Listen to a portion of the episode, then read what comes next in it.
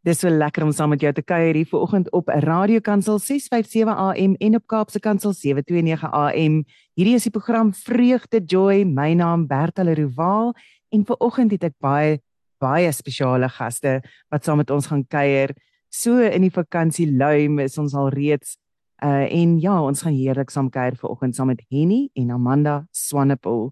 So 'n bietjie agtergrond oor hulle. Ehm um, hulle is beide Bright Star lifestyle facilitators en uh, ja, so werk hulle saam in hulle huwelik ook. En dan Henny is natuurlik 'n uh, uitpredikant, maar hy is ook, ek dink is een van die lekkerste dinge om te doen, 'n huweliksbevestiger. So as jy in die Bellville area is en jy wil trou, uh, Henny is die man om om te kontak.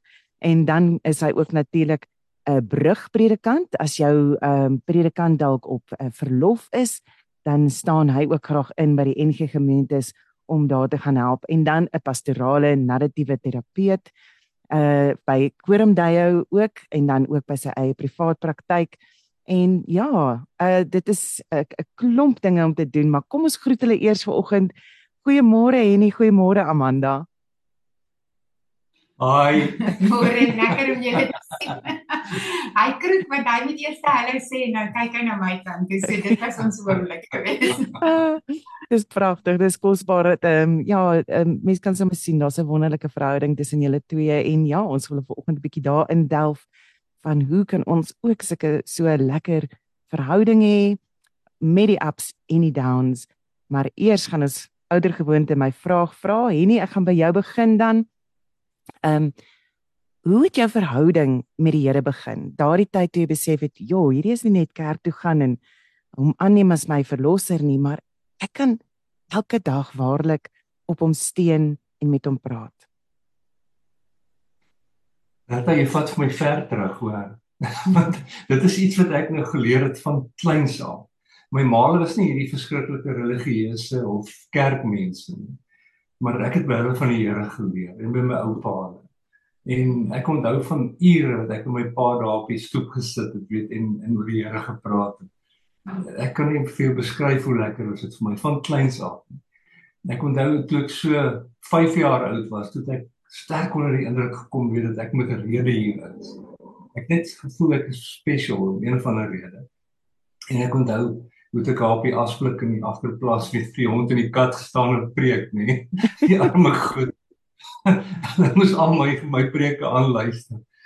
Maar maar, maar so, jy weet ek het van kleins af die Here leer ken, maar dit is iets wat gegroei het met die jare.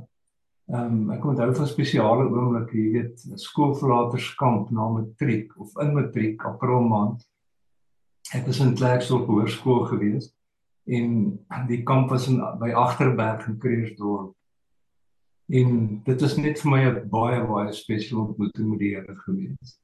Ek onthou na daai kamp het ek omtrent so 2, 3 weke gevoel of in die lig rondloop. Dit is net Ag en so kan dit aangaan. Jy weet so dis die hele tyd 'n groeiende verhouding van die Here wat ek lankal al ken. Ek dink dit is fantasties want ek dink dis regtig iets wat ons moet onthou is dat dit is 'n lewendige verhouding. Dit is nie net 'n once off ehm um, weet get your ticket hier en dan gaan jy nie. Dit is regtig 'n ebb en 'n vloei want ons gaan deur verskillende fases van ons lewens. En partykeer uh, voel jy 'n bietjie verder weg van God of jy voel 'n bietjie nader aan God. Ehm um, maar hy is altyd naby jou. Hy's altyd daar, altyd gereed, altyd reg vir jou. En ja, ek het ook daardie wonderlike ervaring gehad op 'n vyfieskamp uh toe ek 13 was, waar ek net besef het dat hy gee regtig om vir my. Hy gee regtig om oor wie ek Bertha is. En en dit was ook net 'n wonderlike ervaring en hoe wonderlik is dit dat jou ouers jou so gelei het in daardie lyn en ehm um, dat jy met hom kan gesels en dat dit nie 'n taboe is om te vra nie en vra te vra wat moeilik is baie keer om te antwoord maar om te sê ek mag, ek mag praat oor Jesus, ek mag vra vra oor Jesus en goeters wat by my opkom, dinge wat die duiwel by my probeer laat posvat, kan ek dan smoor in die kiem want ek mag vra en ek mag praat daaroor. En dit is ek dink 'n belangrike ding as ouers om dan ook oor te dra aan ons kinders, weet dit dat dat hulle enige tyd met met God kan praat. Ek onthou my dogtertjie Brionay het ook eendag vir my gesê, ek sê vir haar so, "Wat het jy pouse gedoen?" "Ag mamma, ek het maar net alleen gesit, bietjie met Jesus gesels." En dit het my so oh. happy gemaak. En maar dan is dit ook net om dit te laat voortgaan, om te sê, "Dis wonderlik my kind. Onthou, dit is wat hy die meeste love, is dat jy net uitreik na hom en met hom gesels en hom erken as 'n ware deel van jou alledaagse lewe. En ek dink ons is geneig om te probeer sê, goed, God is deel van die goeie dele van my lewe wanneer ek trou en wanneer ons fees vier en wanneer ons Kersfees hou en Paastyd. Maar o, oh, hierdie hierdie dele waarmee ek 'n bietjie uitdaging het, waarmee ek 'n bietjie sukkel, daai gaan ek maar vir myself hou want ek wil tog nou nie vir hom oor eis of ek wil nou nie vir hom pla met dit nie. En dit is die groot ding is dat hy is eintlik hy's daar vir elke deel. Elke moontlike deel wat daar kan wees. Hierdie lekkerte is nee, ek ek sê altyd my kar is my sanctuary. Veral as ek nou as, as ek nou alleen ry, dan luister ek hierdie sagte klassieke musiek en dan is dit net vir my of ek so 'n verbinding met die Here kom. Dan kan ek so lekker met hom praat. En as ek hoor voel en sê vir my, ek voel vandag hoor. Ek weet nie wat se die emosie nie, maar dit gaan nie lekker met my drie op. Dit miskien moet om praat oor wat ook al, jy weet, enigiets. Ek dink so in Filippense 4 vers 6 wat sê praat met hom oor alles, maak 'n gebed en danksegging, alles aan hom bekend. Jy weet so, daar's niks te groot of te klein nie. Dit mens mens kan met hom praat. Jy sal ja. nooit uitkom.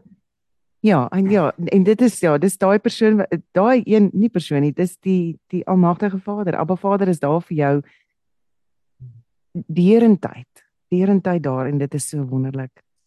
Um Amanda, hoe het jou verhouding met die Here begin? Ek is ook regtig baie bevoorreg dat ek het groot geword in 'n gesin waar my ouers so lief is vir die Here um gedien het ons regtig groot gemaak om vir baie lief te wees. Ons het um my pa se verlede jaar oorlede, maar ek sê ek het nou 'n iemand in die skare, die geloofsgetuies wat vir ons aanmoedig om klaar te maak want hy hy staan regtig baie voor en daar om ons aan te motiveer. Ehm um, so my ouers is gebedsreuse so ek sê ek nog al die jare en dit het vir my tot baie groot voordeel gewees ek het ook die lekker beleef van in die kerk baie betrokke te wees. Ons het ehm um, ja, van van kamp tot kamp. Ek het op die ou jeugwerk gaan studeer. Ehm um, in uh, Wellington, die groot B-diak het ons daai tyd nog kon kry. En 'n uh, fantastiese ervaring om te weet ek kan my roeping gaan uitleef ek het interessant genoeg as volwassene 'n klompie goed besef wat vir my goed was, regtig goed was om te besef. Maar ek het 'n uh, uh, ek het 'n boetie wat oorlede is voor ek gebore is. So ek my ma was met my 7 maande swanger toe hy verdrink. Ons is vier sissies en dan was dit nou die boetie. En in die proses het ek nou maar al die jare net geweet jy word groot met die woorde dat ons het 'n boetie wat oorlede is. Jy weet, daai is maar deel van jou verhaal. Maar as volwassene het ek op 'n stadium baie kosbare naweek beleef waar ons 'n bietjie gesels het oor leuns wat die duiwel vir jou kan laat glo en ek het regtig 'n baie spesiale ervaring gehad om te besef maar wat is die leuen wat ek dalk glo. Nou een van die maniere hoe jy mos afkom wat is die leen is wat is die emosie wat jy baie keer beleef wat jy weet is nou nie die beste een nie en ek het sommer net daarop gegaan ek is moeg ek is net so ontsettend moeg en toe ek gaan dink daaroor dan vra hulle maar waar dit begin en toe sê ek maar ek is eintlik my hele lewe hier is dit ek is baie besig baie aktief ek hou van dinge doen maar daar sê daar's 'n diep stukkie moeg en toe ek nou vir die Heilige Gees vra om vir my te openbaar waar dit vandaan kom, het ek besef maar daar het 'n interessante ding met my gebeur met die wat my boetie oorlede is, want ek het daar mens as as jy mos nou groot word dan sal so ietsie wat kan vashou, dis jou keuse om dit te vat, maar ek het hom gevat dat ek gekies het in die proses van jy probeer half opmaak vir die gemis van van jou ouers, jy weet. So ek moet tog baie oulik en baie baie fliks wees en dan dis nog 'n swaar burden om te dra daai ene. Nou daai deel kon ek hanteer. Ek kon lekker deur dit werk en sê, uh Here vergewe vir my, ek mis iets hier en ek het alleen begin glo, maar dit het 'n nuwe ontdekking daarbey gemaak. Wat ek toe besef het maar as jy as jy verstaan dat Jesus is eintlik ons broer. God is ons Vader, die Heilige Gees is ons vriend en jy beleef ek ek weet ek het daai verstommende wete die waarheid dat Jesus vir my gesterf het. Maar toe word ek gekonfronteer met daai oomblik van het ek sy opstandingskrag verstaan en beleef en leef ek dit. Toe besef ek al die jare wat ek gesê het my boetie is dood, is daar so ietsie in jou onderbewussyn van ja Jesus het my gesterf, my broer is oorlede. Maar nou moet ek nou namens hom die wêreld red. Ag liewe aarde, dis harde werk. so dis dis 'n verstommende oomblik toe ek besef, maar die feit vir my leen wat verbykom, ek het dit ek het hom geglo dat ek moet werk. Jy weet my liefde staal is daar van dien, so ek hou daarvan om dinge te doen ook vir die Here. Maar daai fyn lyn om te sê ek hoef nie op te maak vir iets nie. Dit is 'n lang storie, maar 'n lekker storie want van daai oomblik af het ek weer 'n nuwe dimensie in my verhouding met die Here begin beleef van daar's net sekere goed wat ek kan terugsit en sê Here dis mos nie myne nie. Ek moet nou hoor jy weet daai Filippense 4:13 ek sê alles in staat deur Christus wat my krag gee. Maar as jy hom vat na die amplified toe dan sê hy I can do all things that that God um intended for me to do. So dis nie dat ek alles moet doen nie. Ek moet net doen wat God wil hê ek moet doen wat gekoppel is aan my lewensroeping en doel. So dit is eintlik so bevrydend. So ja, ek is 'n bevoorregte vrou. Ek is so lief vir my God. Um um en voor my pa oorlede is, het die Here op 'n dag vir my gesê hy gaan vir my iets van sy vaderskap leer wat ek nog nie vroeër in my lewe verstaan het nie. Omdat ek hierdie pa gehad het wat net absoluut alles reg gedoen het het ek te besef maar daar's iets van van my verhouding met God wat ek nie nodig gehad het om in te delf nie. En dit het ek nou begin leer so my voorreg ek verstaan iets meer van God iets meer van Jesus iets meer van die Heilige Gees en dit is 'n vreeslike lekker avontuur Ek dink dit is so wonderlik om dit te sien. En, en soos ek nou hier sit en dink ek weet ek het ook twee boeties wat oorlede is. En ja, ek kan absoluut verstaan dat mens wil instaan, wil opmaak en ook jou jou familie, jou gesin se lewe gelyk maak. So enige probleme wat dalk in jou lewe is of iets wat jou seermaak of sies en ek dink dit gebeur met baie mense wat 'n verlies ervaar soos um, om 'n kind of 'n 'n 'n sibling aan aan dood af te staan. Jy wil jy wil nie nog pyn veroorsaak nie. So met dit probeer jy jou pyn dan weghou van jou familie af. Jy probeer jou pyn ehm um, weghou van en jy wil nie reactions maak nie. Jy wil nie die water laat laat laat stuimig raak nie en ek ek dink nogal dit kan baie keer dan lei tot ehm um, verbrokkelde verhoudings eintlik. Uh deurdat jy so hard werk om om net alles gelyk te hou, alles op die regte plek te hou. Ehm um, en en en te sê maar ek is nie die ek, ek gaan nie veroorsaak, ek gaan nie pyn veroorsaak nie, want ons familie is reeds deur genoeg. Dit is nou jy het nou vanoggend vir my 'n wonderlike ding daar gesê en dit is ehm um, om net te besef dat jou waarde word nie gemeet aan aan aan die mense wat nie meer daar is nie.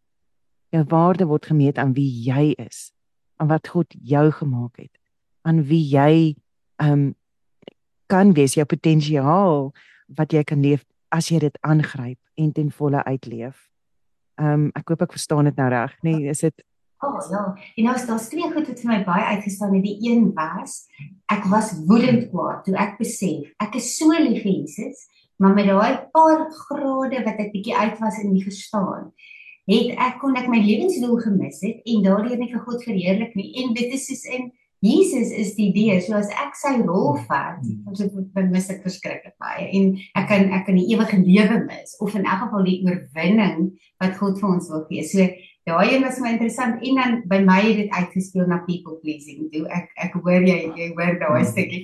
So by my was dit vreeslik. Iemand ek het eendag gekom bygewoon dat iemand ek sê ek sien so uit want ek hoor hulle gaan vir my help om te verstaan. Dis eintlik maar 'n kursus om te verstaan hoe dat dat ek nie ehm um, uh, dat ek nie so gemanipuleer sal word nie.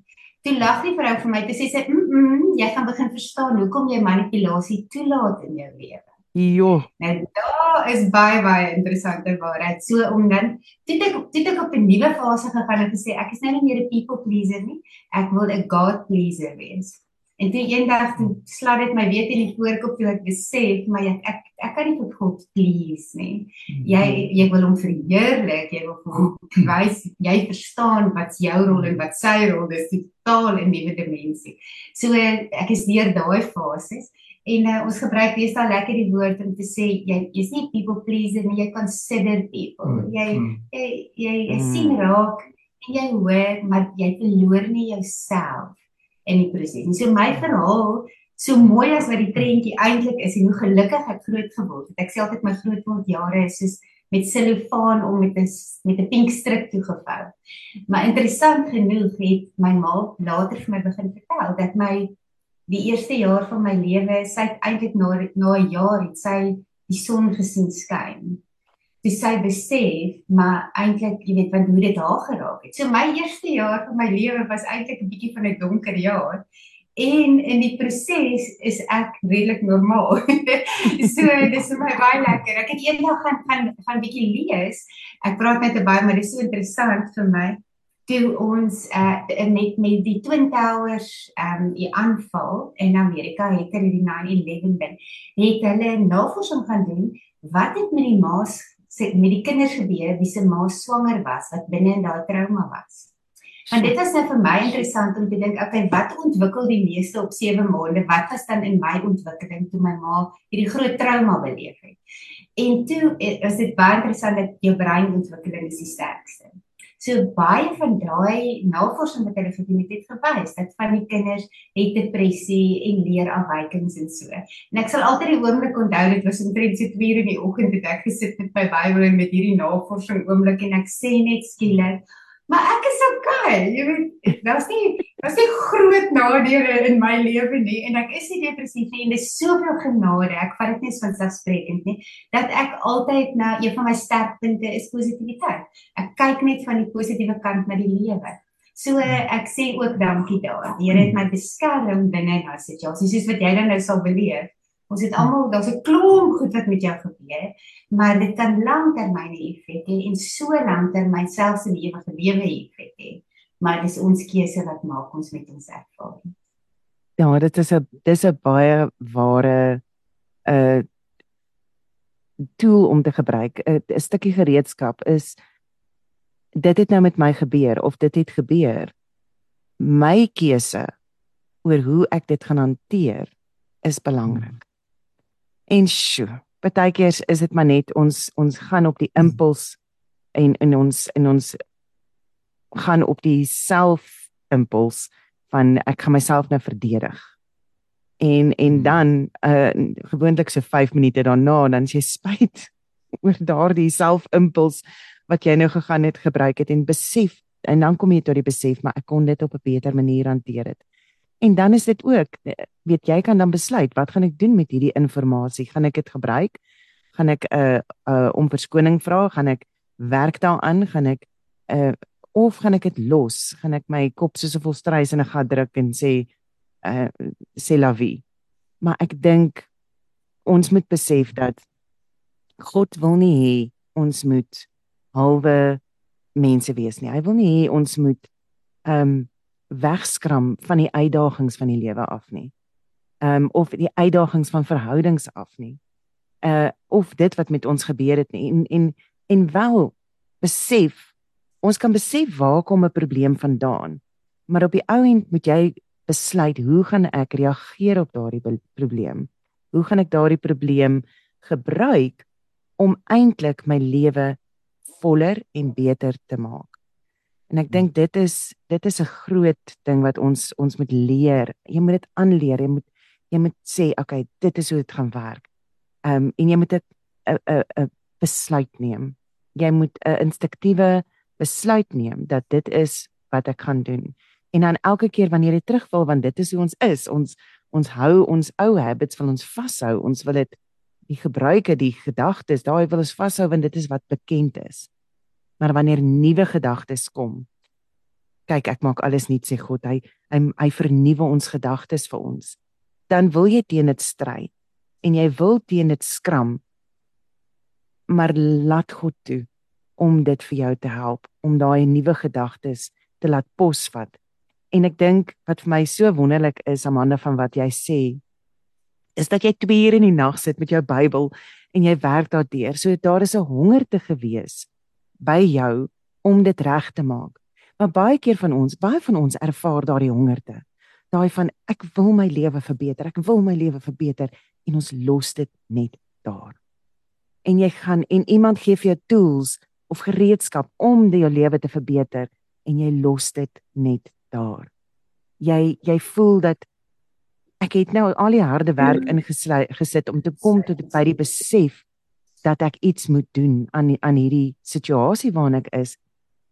Maar jy los dit net daar. So dit is die aksie wat jy neem om te gaan en te gaan sit wanneer jy tyd kry en partykeer is dit 2:00 in die oggend om dan te sit en te sê goed, kom ek werk hier deur kom ek kyk waantoe is dit op pad waarheen gaan dit my vat en dan om die stappe daadwerklik toe te pas maar soos ons nou leer nê ehm um, en nie in in pastorale narratiewe terapie leer ons dat ehm um, daai kan nie vir jou vertel word nie. Iemand kan nie vir jou sê hier is vir jou resep. Ook sien ehm um, jy het hierdie ehm um, gebeurtenis in jou lewe ervaar so hier's vir jou 'n resep wat jy nou gaan volg om te doen nie. Ehm um, wat gebeur is met met met pastorale en narratiewe terapie wat ek so waardeer is dat dit kyk na die persoon en dit vind hulle sterkpunte sodat hulle uit hulle self kan besef hier is my eie persoonlike resep om my lewe weer op dreef te kry om weer aan die gang te kom. Want al die bestanddele is daar uit my storie uit uit my verlede waar ek reeds 'n stukkie sukses behaal het, daai um uh star moments, daai pragtmomente wat dan jou preferred storyline word en dit wat jou dan kan dan sê goed, maar uit dit uit kan ek tot my eie resep kom. En ek dink dit is dit wat dis wat belangrik is. Maar die groot ding is jy moet bereid wees om die werk in te sit en om dit voortdurend in te sit en nie net verwag dat dit gaan 'n one time fix all wees nie. Soos jy sê Amanda, weet dit kom terug en dan gaan ons net weer in die, in in daai proses in van nee wag. Kom ek kyk, hoe gaan ek hierdie situasie hanteer? Want ek het nou die gereedskap. Ek weet hoe my my hoe my koppie werk. Ek weet hoe alles in mekaar steek. So dit ek en dit is wat my opgewonde maak van van van pastorale narratiewe terapie is wat wat vir my so lekker is. Ehm um, ja, ek ek besef seker nou en ek is nou besig met my eerste jaar taak so ek is besig met daai worsteling van hoe ek dit nou alles kyk ou meer om baie baie baie uit daai daai eh, oor om daai so program my. Terwyl jy net so praat, jy weet dink ek kan aan in die stelling dit my storie is 'n storie. Dis nie noodwendig die enigste storie nie. En die storie wat Amanda nou van vertel het, was 'n storie en sy het dit vasgeglo. Dit was vir die werklikheid. En gelukkig, dankie Here dat dat hy ingegryp het en haar horisonne verbreek het. Want baie keer leef ou so in hierdie donker wêreldjie en jy dink dis nou die einde, dis my wêreld hier. Maar daar's soveel meer van jou om te leef. Mm. En dit is ons moet uitkom by hoe die Here vir ons oorspronklik gemaak het jy word vasgevang in die wêreld se idees van wat jou lewe moet wees. Jy word vasgevang ja. in in maar dit is hoe jy moet wees. Jy ja, dis reg dat jy jouself eintlik laat terugstaan in 'n verhouding om om die die ander persoon se lewe meer suksesvol of gelukkiger te maak. Maar op maar dit is nie eintlik die eind einddoel kom dit nie uit want dan Hulle kom net dalk agter, hulle voel dan ook nou skuldig want jy leef nie jou volle potensiaal uit nie. Dit is daai hele kringloop van gebeurtenisse wat net draai en soos jy sê wat jy vassit in daai in daai donker wêreltjie van dit is 'n 'n sukkelproses om vorentoe te beweeg. Jy weet ek ek dink altyd in die beeld van 'n televisie, nê? Maar deesdae maak dit nie meer so nie. Al vroeër jare is uitgaan en dit is so en dan so klomp balletjies wat so rondspring nie. Maar die Here het ons oorspronklik gemaak soos 'n televisiebeeld wat ingestel is na sy beeld mm. met sy eienskappe. Ehm um, die vrug van die gees vertel vir my so ietsie van van van hom, maar net 'n klein stukkie. En dis wat ek voel, dis wat ek veronderstel is om te weet. Maar iewers 'n lange line dag, miskien dalk negatiewe goed met my gebeur en daai beeld is uitgestel. En as ek net hierdie besef kan kom hoe spesiaal dit is. En ja. die Here net toelaat om te kom ingryp, jy weet, en daai beeld weer in te stel. Nou ek ek dink weet ons maak ons ons put onsself tydjie verskriklik uit met die manier wat ons ons ons lewens vir onsself complicated maak.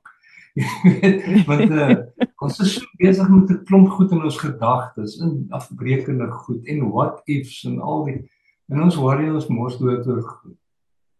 En die Here ek dink dis dis nodig dat ons besef dat dat daar is 'n uh, iemand anders en dit is God wat jou kan kom help om daai beeld net weer duidelik te maak.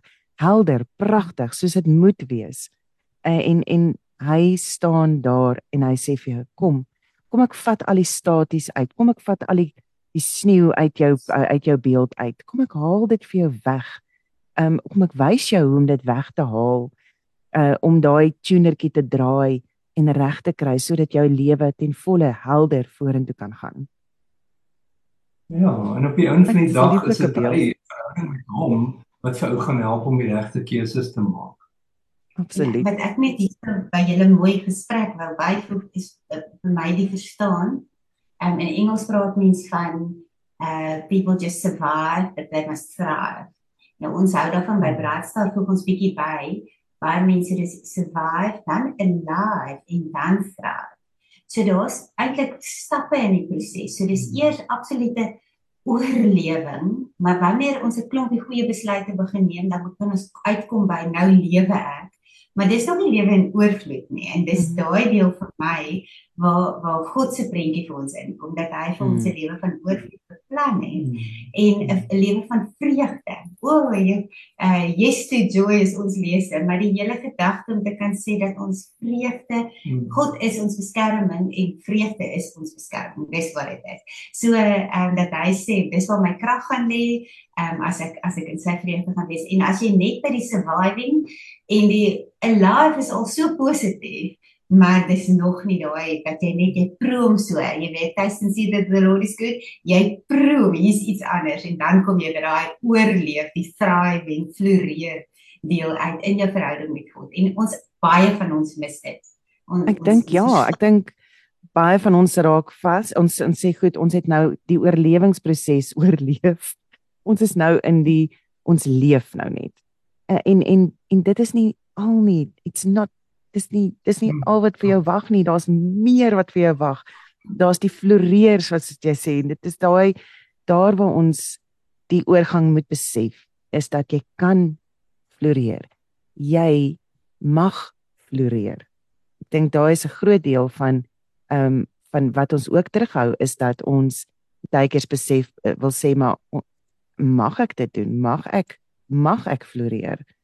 Ehm um, en en en dit bring ons weer terug na daardie ou ehm um, Christelike diskurs van maar ons mag nie uh you have to humble yourself in the Lord.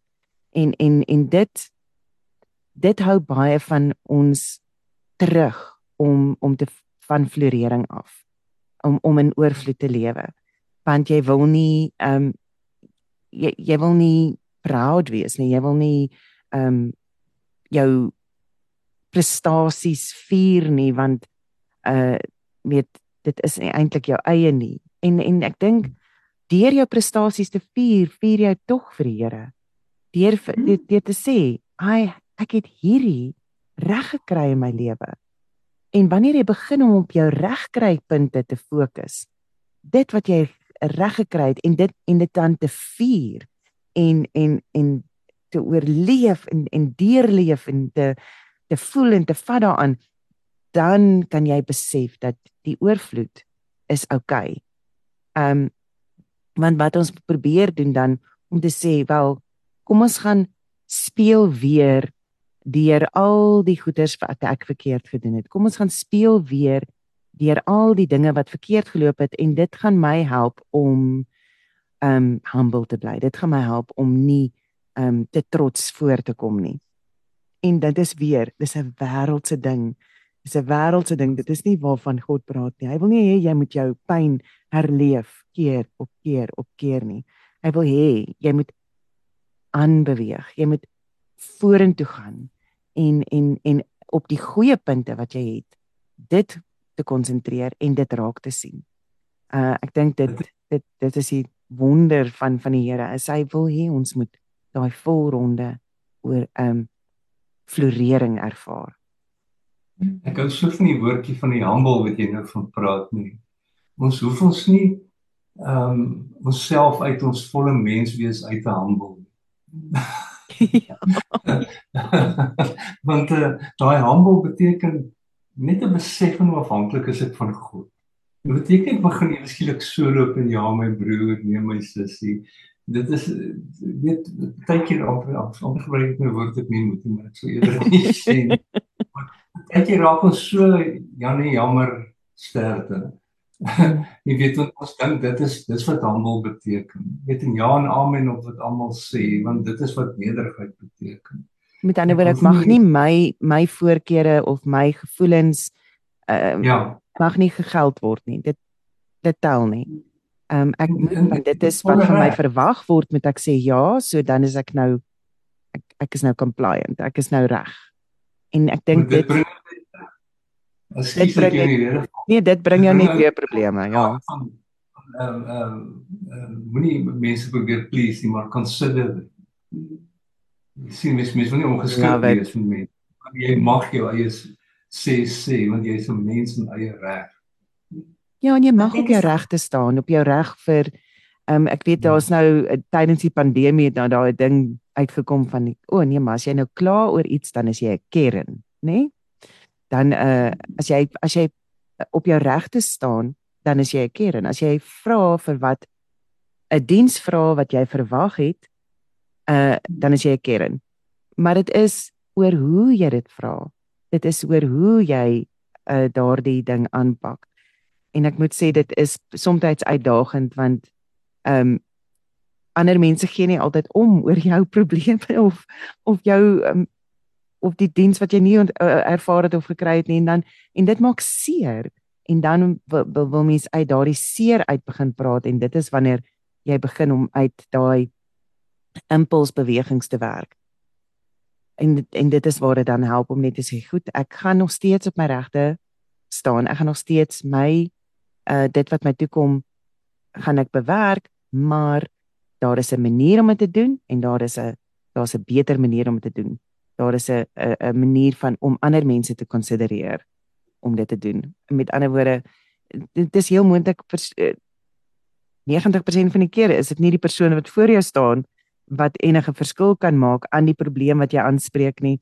Uh daar is so moenie vir daai persoon nie. Ek dink uh dit laat my altyd dink aan die storie wat iemand vertel het. Hulle was by 'n uh, 'n uh, binnelandse sake of so iets gewees en die arme vroutjie agter die toonbank het gesukkel met die komputerstelsel wat nie gewerk het nie.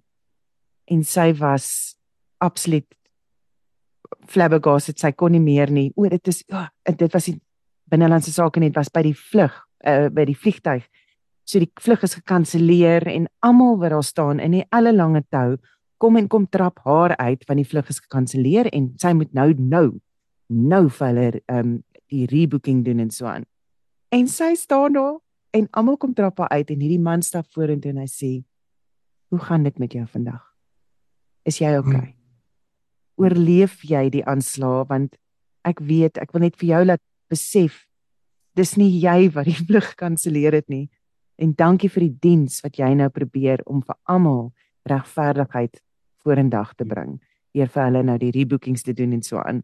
So dit is hoe jy met daardie persoon werk en sy het in trane uitgebars en gesê dankie. Dankie want ek het nodig gehad om dit te besef. So ek dink dit is daar en nog steeds het hy sy probleem wat hy gehad het, die vlug wat gekanselleer het, is nog steeds uitgesorteer, maar op 'n baie vriendeliker manier, op 'n baie meer compassionate, menslike manier. Ehm um, goddelike manier eintlik. Uh eerder as menslik nê om om dit uit te sorteer. Ja. Ehm um, so ons kuier heerlik vanoggend hierso maar ek wil nou nog ek wil nou nog uitvis oor julle twee se lewens. So hoe het julle mekaar ontmoet? Hoe het julle liefdesverhaal begin? Henny, kom, kom jy moet vertel. Waar het sy jou knie onder jou uitgeslaan? Ja, gelukkig het ek nie my skoonmoeder eers ontmoet nie. Hoor net maar sy gaan nee, sy ek het baie goeie verhouding met haar. Maar ons het dit terwyl. Ehm um, ek was in van 'n boupark Suid NG Kerk Dom nie en dit is nou al ons is nou al 30 jaar getroud nie. Maar daai tyd het daar klomp negatiewe goed gebeur. Jy moet sê eers sê 30 jaar gelukkig dan maak jy verder. Okay. Ja, okay. Ja, hy het nie mooi geluister. Ek het gesê daar my hand te vol. Sy het daar my hand te vol. Absoluut.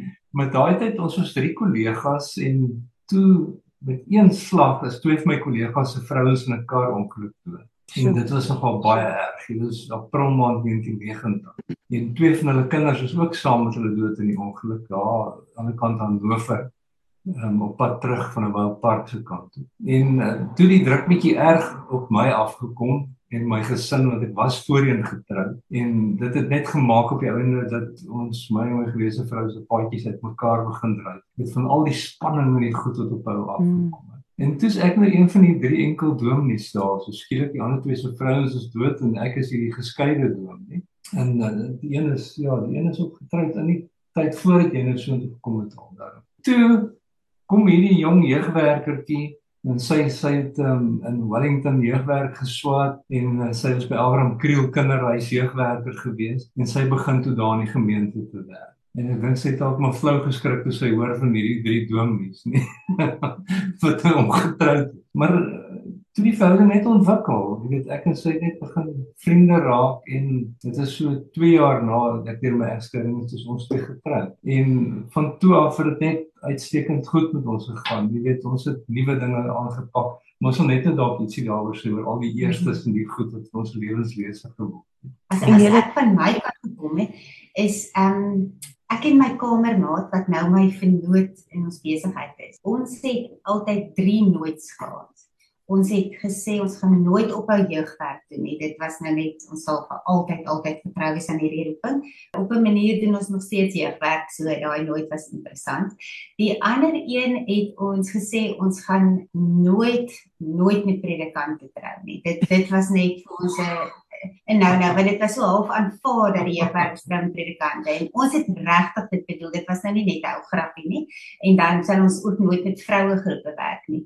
Nou die vroue groepe ek het 'n passie vir vroue bediening so daai ene is nou 'n het ook 'n ander val geword so toe ek toe nou vir Henny ontmoet. Ek sal dit vir altyd onthou. Die aand wat ek kom die eerste. Ek moet haar aan die rede val. Ek het hare en 'n baard gehad. Ne? Ja, ek het altyd gesê, "Hey Lord, may I have a husband with a beard and a Land Rover." So toe ek hom ontmoet het hy nie Land Rover gehad nie en ook nie nou nie en hy het ook hy toe 'n baard gehad. Maar dit was vir my lekker want weet jy, ehm um, dit was my baie interessante ervaring dat my ouers het ons vanaf ons 35 jaar oud is geleer om te bid vir ons lewensmaats eendag. En toe ek vir Henny ontmoet, kyk as jy mos 'n tiener is, is dit 'n baie weird gebed en baie snaaks en alles, maar toe ek vir Henny ontmoet, toe weet ek dit is die man geweet dit vandat ek 50 oud is. En dit het vir my verskriklik baie gehelp want daar was mos nou 'n paar uitdagings in die prentjie. En dit is nie die pre die ideale prentjie wat 'n mens mos nou gedink het nie. En dit was so lekker om te weet maar ek sal dit sal dis nie eers dat ek vra vra nie. Hulle sê altyd so mooi ek het opgehou vra vra en ek leef nou in die antwoorde in. So ek kan nie eers eendag vir die Here vra hoekom is dit nou hoekom is hy soveel eina gehad het voordat ons mekaar leer ken het daai tipe van vra vra ons nie. Dis net die interessante om te weet dat as jy jou sielsgenoot ontdek hoe spesiaal dit is. En daarom mag ek sê my moet sê gelukkig 30 jaar getroud want dit is regtig vir ons elke dag ons geniet dit as mense sê vir julle lyk of julle nog op honeymoon is want dit is regtig maar hoe dit vir ons voel. Nou maar daar het ons nou die resep nodig. Nou nou ons het net gepraat van die resepte, jy kan nie resepte gee nie. Jy moet dit bes maar hierdie is definitief 'n resep wat mens kan toepas op jou lewe. So vertel vir ons 'n bietjie meer van hoe jy daardie verhouding so spesiaal hou, hoe jy die honeymoon fase laat rek vir 30 jaar. Kan ek sê daai tyd toe so moeilik met my gaan het, het ek nou iemand gaan sien, weet 'n sielkundige. En ek het vir die vrou gesê, hoorie man, ek sien depressed nie, maar dit voel vir my ek gaan raak. help Prevention is beter than cure. ja, help my net want ek kry daai oomblikke. En uh, sy stuur my te huis toe en sê vir my gaan doen iets wat jy nog nooit gedoen het en dan kom vertel jy volgende week vir my raad van. Ja, maar toe moet ek dan net begin dink oor wat kan nou want op, as jy so voel dan voel ek jy die lewe opgeleef. Jy weet, daar's mos wat kan jy nou doen wat nou nie. En ek het 'n paar ouens ge, gehad wat my gehelp dink. Jy weet, soos een ou het my een aand gebel 11 uur toe sê my sy hy sê vrou sit nou en praat jy weet. Hulle seker ek het nog nie ander ouens se skorrelgoed gewas 11 uur in die aand nie. Wil ek nie net gou geoorkom nie. Toe sê hom man sê vir jou vrou sy ek kan dan kom. Ek was jy's my eie skorrelgoed daai net van die aand. Maar in elk geval maar toe stap ek na 'n koffieshop toe nee en ek het gehoor van hierdie iced koffie wat ek nog nooit in my lewe gedrink het nie. En ek bestel hom en ek down hom. Ek drink hom, ek sit hom maar neer en ek sê, "Yes." Dit was die eerste en daar word toe iets gebore. Want toe kom ek agter, die lewe is vol klein goedjies wat skreeu om gelewe te word. En ons kyk verby hulle. En die hele lewe gaan daaroor, daar's klomp goeders wat gelewe kan word en ons lewe dit. En toe ek nou vanaand moet sê ek wou ek het hierdie lewenslese. En dit is om elke dag iets te probeer doen wat ek nog nooit voorheen gedoen het nie. Oh, en dit dit hou ou se kop in die gou nê nee, want jy moet jo. nogal dink. Sy het volgens my vra wat het jy gister gedoen wat die eerste was. Nou ek het vir haar te vertel jy weet ek het iemand nuut ontmoet en ek het saam met die uh, dis 'n kans saam met hom koffie gedrink en gekuier en ek het 'n nuwe shopping net gaan kyk. Hy sit nou hier baie hoog heilig, maar ek wil dit net vir jou sê dat my rol toe nou in ons huwelik het geraak om net vir hom binne die wet te hou met die eerstes. Jy weet as mense geen toegangbordjies sien vir my wat jy het nou gehoor die neiging na people pleasing toe, jy mm. gaan nie by geen toegangbordjies in nie. Dit trek vir hom nie soos 'n magneet. Maar nou moet ek vir sê hier en daar was ons al aan die agterkant van die toegangbordjie en was dit nog al. Ja, ek kan net gewoon vind hoekom nie.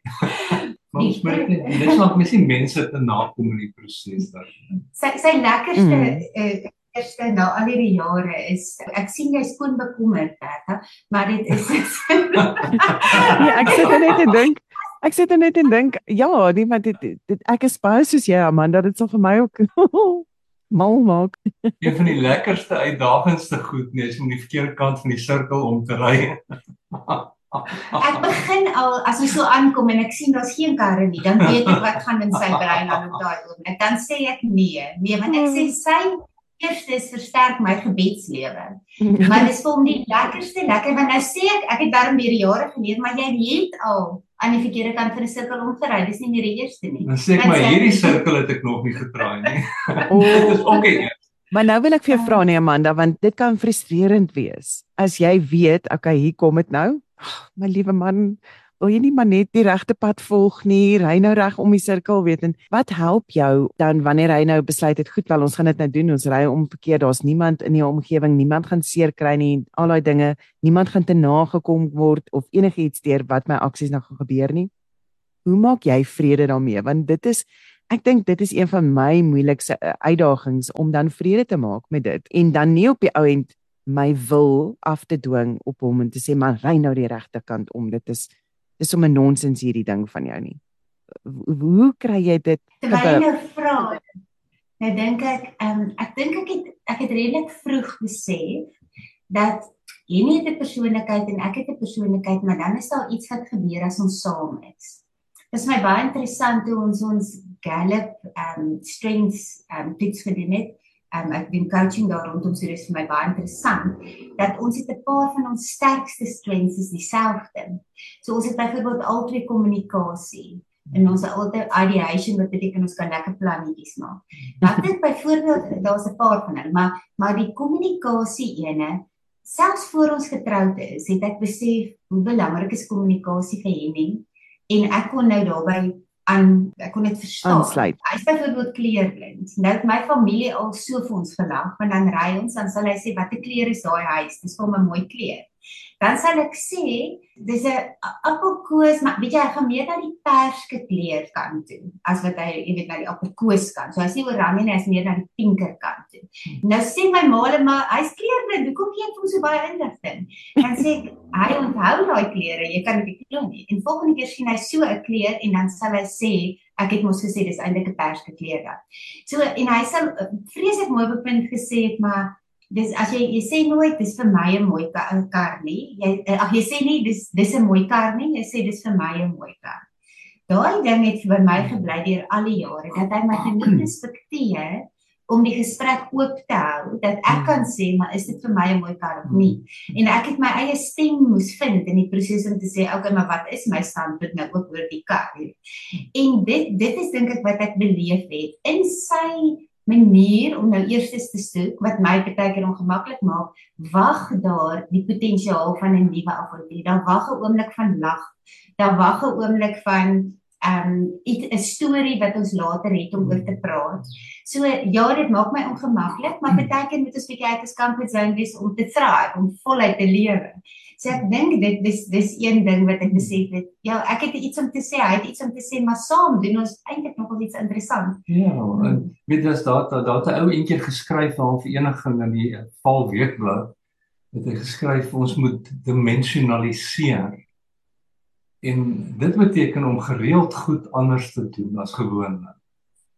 Ehm um, want anders hy sê daar's nie 'n groot verskil tussen 'n groef en 'n graf nie. Mm. En jy weet ou kan maklik om die elke dag dieselfde rotine oor en oor die staan op, jy word op tande en wat ook al daar gaan nie. Om goed net bietjie anders te doen. Met met ander ehm um, uh geluid op jou foon wakker te word. Jy weet of miskien as jy hare het, jou haarstyl te verander. Jy weet ek sê nou as jy hare het, baie goed. Maar maar jy weet om net die hele tyd goed anders te probeer. Mm. En dit dit is waar die eerstes vir my gaan. Dit dit klink nou verskriklik verkeerde kant van die sirkel. Ek het baie lank klas gedoen. Nee, maar ek seker daar's nou ander dinge ook, soos die yskoffie en dan is daar nou natuurlik ander ander dinge wat mense ook kan saam doen en ek kan nogal nog getuig daarvan dat wanneer ehm um, wanneer ons ek en my man eerste saam beleef en beproef, ehm um, dan dan is dit lekker. Daar is 'n lekkerte aan dit soos ons het op stadium eendag besluit ons wil scuba duik ten spyte van die feit dat ek eintlik 'n vrees daarvoor het en ons het ons het saam met dit daardeur gewerk en het, ons het dit gedoen en dit was verskriklik daai vreugde uh toe ons uiteindelik dit kon kon doen en ervaar.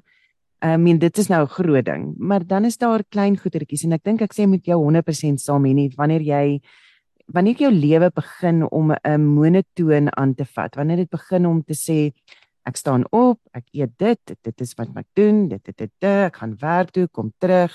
Ek praat 5 minute met jou, ek praat 5 minute met jou, ek gaan sit my ehm um, ehm um, my Netflix aan, ek kyk my stories uh en en so uh, and repeat, and repeat. En, en dit is wanneer jou lewe begin kleiner en kleiner en kleiner raak. En ek dink baie van ons het dit ervaar met COVID uh, in daardie inperktyd het ons het ervaar dat ons lewens al hoe kleiner en kleiner en kleiner word want 'n geleentheid vir 'n nuwe ervaring was nie so vrylik beskikbaar nie. Jy moes gaan soek het daarvoor. En ehm um, en en daarom raak ons ook opgewonde oor nuwe maniere van ehm um, van dink en nuwe maniere van praat. Maar baie keer raak los ons dit net by die opgewonde raak. So jy het nou gehoor nou nou jou voorbeeld te vat. Jy het gehoor van hierdie yskoffies en so en dit klink interessant, dit klink lekker. 'n Koue koffie? Hm, ek wonder hoe gaan dit werk. Maar jy gaan nie oor tot aksie nie, dan bly jy maar eintlik nog steeds vas in daardie kringloop wat jy vir jouself geskep het. So jy raak opgewonde vir 'n oomblik daaroor, maar jy jy gaan nie oor tot aksie nie, maar tot jy nou oorgegaan het in aksie in en daardie soos jy sê die yskoffie gedown het. Ehm um, en dan eh, wat ek wat ek opgeleer het is jy het nie gesê ja dit was lekker of nee dit was nie lekker nie dit was 'n eerste. Dis wat iets wat jy op die proef gestel het. En jy, miskien drink jy nou van nou vir elke dag 'n yskoffie want dit is vir jou lekker. Of miskien het jy daai dag besef dis nie vir my nie, maar jy sou dit nooit geweet het either way, een kant of ander kant toe indien jy dit nie op die proef gestel het nie. Ek love daardie idee. Um dat 'n mens elke dag 'n eerste doen. 'n uh, 'n 'n nuwe ding op die proef stel of 'n nuwe ding probeer. En dan ehm um, maar Amanda so doen jy dit ook en en is dit iets wat jy half probeer om saam aan te pak of is dit so van een keer 'n week sal ons dit saam aanpak maar kom vertel jy my nou van jou eerstes elke dag.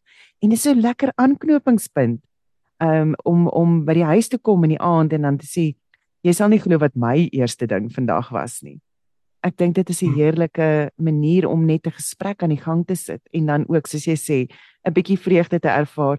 Jene ek het daai yskoffie probeer en dit was sleg. Ek kan nie verstaan hoe die Italianers met hierdie idee opgekom het nie. En dan kan jy weet 'n lekker lag sessie daarby volg en en sê maar hoorie so daar's ander tipes yskoffies, weet en so kan mens nou uh, uit dit uitfloreer uit uit 'n weet ons net nou gepraat het oor florering uh, in 'n huwelik te floreer, maar jy moet daadwerklik daaraan werk. Ja, wat lekker is, ek is nog ons die die laaste tyd baie op die term um pre-decisions dat jy uh, kry Grishel sê dat as jy 'n besluit vooruit geneem het, dan het jy dit vat nie energie op daai oomblik om te wonder en om te dink nie. Jy jy neem dit om klaar vooruit en dit is baie goed om byvoorbeeld gewoontes aan te kweek en so. So ek dink omdat hierdie ons geseën het met daai voorstel, kan ons dit 'n lese van ons lewe maak vir ons huwelik om te sê kom ons doen eerstes. Het dit dit was 'n pre-decision. Ons het hom voor die tyd besluit en nou is dit besig om ons lewe baie makliker te maak vorentoe. So in die proses word dit jou taal. Jy weet, so baie keer sal ons dit vir mekaar sê, "O, ehm um, wat was jou eerste?" Maar meeste van die tyd sal ons spontaan net vir mekaar sê, "Ek het vandag hierdie eerste gehad." Maar omdat dit 'n deel is van ons verhaal. Ek onthou altyd so een aand het ons gesê, "Maar wat was jou eerste van die dag?" en daar was niks nie. En toe dink ons, "Wat kan ons eerste wees?" en toe draai ons om en lê met ons koppe waar ons voete gewoonlik lê in die bed. en die volgende dag toe ek dit is vakansie, want die hele prentjie is anders as jy wakker word.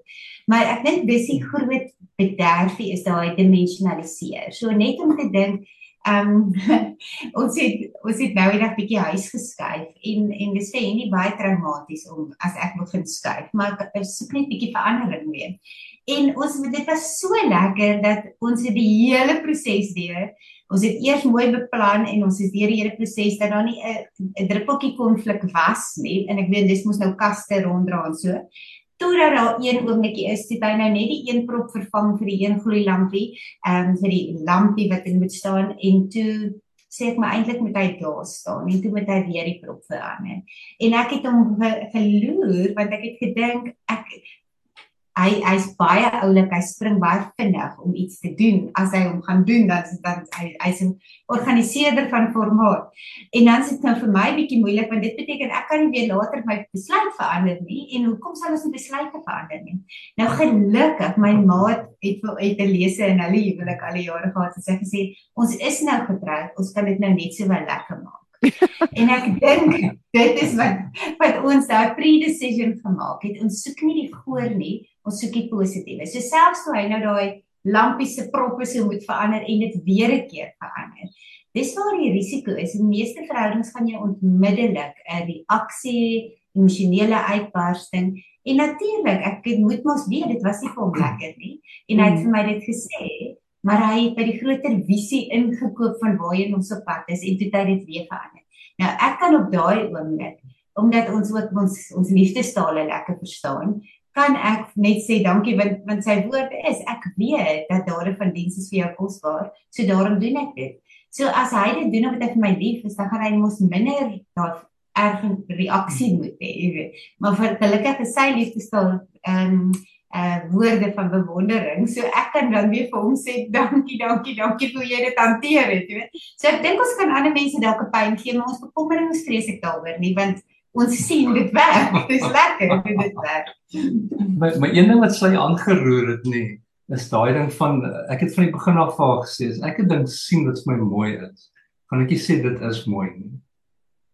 Want dan gaan ek veronderstel sy moet ook so dink. En ek sluit ek die gesprek want ek het mos nou klaar besluit dit is mooi. Maar ek gaan vas sê vir my is dit nou 'n mooi kar. En dan dan maak ek die gesprek oop, dan kan sy sê maar wie vir my stok mooi. Maar met die jare, maar ons het nou al begin gewoond raak ons ons, ons sê nie elke keer nou kyk dis nou vir my mooi nie. Ons weet nou al hoe werk dit. Taal het eintlik maar so gevoel ja, dat jy ook iets om te sê. Maar maar net om dit te sê, maar jy's ook 'n mens in volle reg. Mm. Ehm um, net ek wat reg is nie. Ek sien dit so. En ehm, weet dan laat ek die gesprek oop en kan sy sê hoe sien sy dit. En dit kom net weer terug na daardie selfwaarde toe, na daardie jy dis oukei, okay, jy mag 'n opinie van jou eie. Ehm um, en en jy hoef nie kwaai te wees daaroor nie. Weet, o, daai kar is mooi. Nee man, dit is nou nie so mooi nie. Jy kan dit anders verwoord. Dit is die manier, jy weet, die besluit om te sê, goed, ek gaan wel met jou ehm um, uh ek gaan wel met jou verskil, maar ek gaan dit op 'n mooi manier doen. So, daai kar is my mooi. Ek dis nou nie my gunsteling nie. Ek kan Vertel my wat vir jou is wat wat wat is vir jou mooi aan daai kar? O, okay, goed, ja. Ja, die wiele, die speekies en daai goeders, weet as jy nou praat van 'n MG maybe. Uh die speekies is ek ek love daai, dit is vir my mooi. Ja, ek kan sien dat dit vir jou sal mooi wees. Ag, ja, well done. En of well done, maar dit sou van okay, ek kan sien dat dit vir jou mooi is. Ehm um, dis nie my gunsteling nie, maar Maar jy weet eintlik maak dit die gesprek sommer wyd oop, dit in 'n klomp rigtings. Ja. Want ou as jy goed ervaar kan sê maar dit is hoe ek dit ervaar. Jy weet nie te sê dit is so en jy moet ook nou so dink nie. ek wil het, ek wil dit so ver weer trek na ons verhouding met God toe. Hmm. Ons het 'n verskillende maniere hoe ons God aanbid. Ons het in elk geval die, die grappie van die gou besef oggend en aand. Ek is vroeg in die oggend, dis die tyd wat vir my lekker is vir stilte tyd in die aand wanneer ek nou al slaap, luister hy nog vir ure musiek, hou stilte tyd geniet sy tyd saam met die Here. Maar die feit dat ons nie van mekaar verwag dat dit hoef dieselfde te wees nie, maak ons verhoudings apart met God so ryk en dit maak ons altyd se lewens ryker want hy kom terug met ervarings en verhale en ek kan vir hom iets vertel wat ek beleef het. Ek het gister het ek 'n ek het 'n woord in 'n droom gehoor en en ek sê hom dis my baie interessant en dadelik begin hy saam opsoek wat is die wat is die betekenis van daai woord en ons beleef 'n baie diep oomblik saam met die Here. Maar omdat hy nie inkom met ek doen nie daai ding nie of ek jy weet dis nie heeltemal wat wat ek sou glo nie. So ons lewens word net ryker. Ek dink dis dis nie mooi van die Here wil net hande klap. Ek sê ek wil sê dit is dis amazing wat jy nou daar sê. Want ek ek doen baie van hierdie programme, baie onderhoude en baie keer is die raad weet hoe om jou huwelik gesond te hou is die heel eerste raad doen saam Bybelstudie. En ek moet sê dit is dit kan nie vir almal werk nie. En dit is so wonderlik om te hoor dat dat dit is hoe jy werk. Jy het nog steeds gesprekke saam, jy het nog steeds oomblikke van aanbidding saam jy het nog steeds daardie jy sal nie glo wat God vandag vir my gewys het en openbaar het nie. Maar ek dink dis wonderlik om ook net te sê die manier hoe jou verhouding met God werk is anders as myne en dis oukei. Okay. En en ek hoef nie uh, want ek sê altyd dan sê ek altyd maar my ek hou daarvan om om laat in die aand te sit. En dan my man is op die hy's weer 'n oggendou. Hy sit weer in die oggende buite en en werk met sy ehm um, hy luister al hierdie podcast, die Bybelstudie podcast en goeters en so en dit is nie vir my nie. En en ek dink om iets te probeer forceer wat nie daar is nie is is gaan dalk meer spanning op huwelik sit. So dankie, hmm. dankie daarvoor dat jy dit sê dat, dat dat daar wel 'n verskil is in 'n verhouding en dat dit dat dit oukei okay is en dat dit werk. Ek meen julle werk, julle dien nog steeds die Here. Julle ehm um, julle deel nog steeds julle ervarings. Uh, en en dit bring my ook terug na 'n ding wat ek en Karel gesê het ons net getrou het. Ehm um, iemand het my gevra, "Sjoe, maar jy's so jonk, hoekom trou julle so vroeg?" En ek was nie, ek was 27, maar hulle het gedink ek's jonger, so. Woohoo. Ehm um, maar ja, wonderlik. Ek gaan net nie nee sê vir daai ouetjie nie. Ehm um, maar dis ek vir weet it's somebody who witnesses your life. Dis iemand om 'n getuie te wees van jou lewe. um, waarmee jy gesamentlik goeders gaan deel wat jy saam memories gaan maak, maar ook iemand wat vir jou kan vertel en ek vind dit so baie dat Karel my herinner aan goeders wat gebeur het wat hy van my raak gesien het. Uh, wat wat 'n ligpuntjie was wat ek al lankal agter uitgeskuif het en en by my brein uitgegooi het. En weer wat ek vir hom kan sê, maar daar en daar het jy ook so dit is daardie ding wat jy eendag op die die einddoel vir my is eintlik om saam op haar stoep te kan sit en te sê, "Onthou jy die dag toe sis en so?" Nee, ek kan nie dit onthou nie. Nee, maar laat ek nou maar weer vir jou die storie vertel. Nou, jy nou vertel julle en deel met mekaar. Dis iemand wat wat jou lewe deel. Ehm, um, maar jy hoef nie een persoon te word om 'n huwelik suksesvol te maak nie. Ah, weet ek het eendag gelees, ehm, um, is nogal Khalil Gibran, jy weet hy's mos so oosterling. En hy het geskryf die huwelik is twee mense wat saam uit een koppie uitdrink of een melkskommel. Of ja, een melkskommel, maar elkeen het sy eie strootjie. Yes. Mooi nee. Dis pragtig. Ja. Maar vryheid. Ja. Ja, en ek dink ek dink dit is ehm um, ja, dis 'n goeie boodskap om om vandag mee af te sluit is om te sê ons lewens ehm um, as 'n getroude paar hoef nie jy hoef nie net een melkskommel te wees nie, jy kan twee strootjies hê wat dieselfde melkskommel drink. Uh en môre 'n ander keer melkskommel. En môre 'n ander keer maar want dis die eerste nê. so dis wonderlik om om net te hoor dat daar is wonderlike ervarings wat voorlê en dat ons hoef nie en ons het nou ek het net 'n hele gevra vir 'n resep. Wat is julle resep? En ek dink ons het nie 'n resep gekry nie. Ons het 'n uh, 'n antwoord gekry om te sê dis oukei okay as jou resep nie lyk like soos die volgende persoon se resep nie. Ehm um, want ons is geneig om onsself te vergelyk en te sê maar ons moet presies soos daardie mense hulle lewe lewe. Ehm um, want dan sal ons daardie geluk kan oorplaas op ons huwelik. En dit is weer, vind jou sterkpunte. Hier gaan ons nou weer terug na narratiewe terapie toe, nê? Nee, nie kan jy dit dan oor vertel? Vind jou huwelik se sterkpunte laat dit uit uit ehm um, laat dit blom, laat dit weer uitgeleef word en en laat dit gepad word. Gaan vind gaan sit 'n bietjie en dink oor jou storie, oor jou huwelikstorie en gaan vind waar jy die beste funksioneer. En en laat dit ligpunte word, laat dit die storie word van jou huwelik.